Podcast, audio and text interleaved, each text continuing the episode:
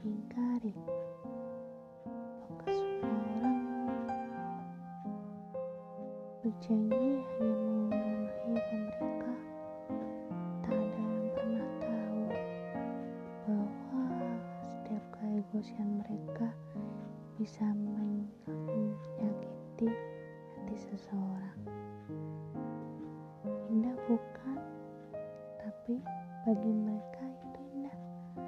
Tapi bagi hati yang terluka, mungkin keegoisan mereka tidaklah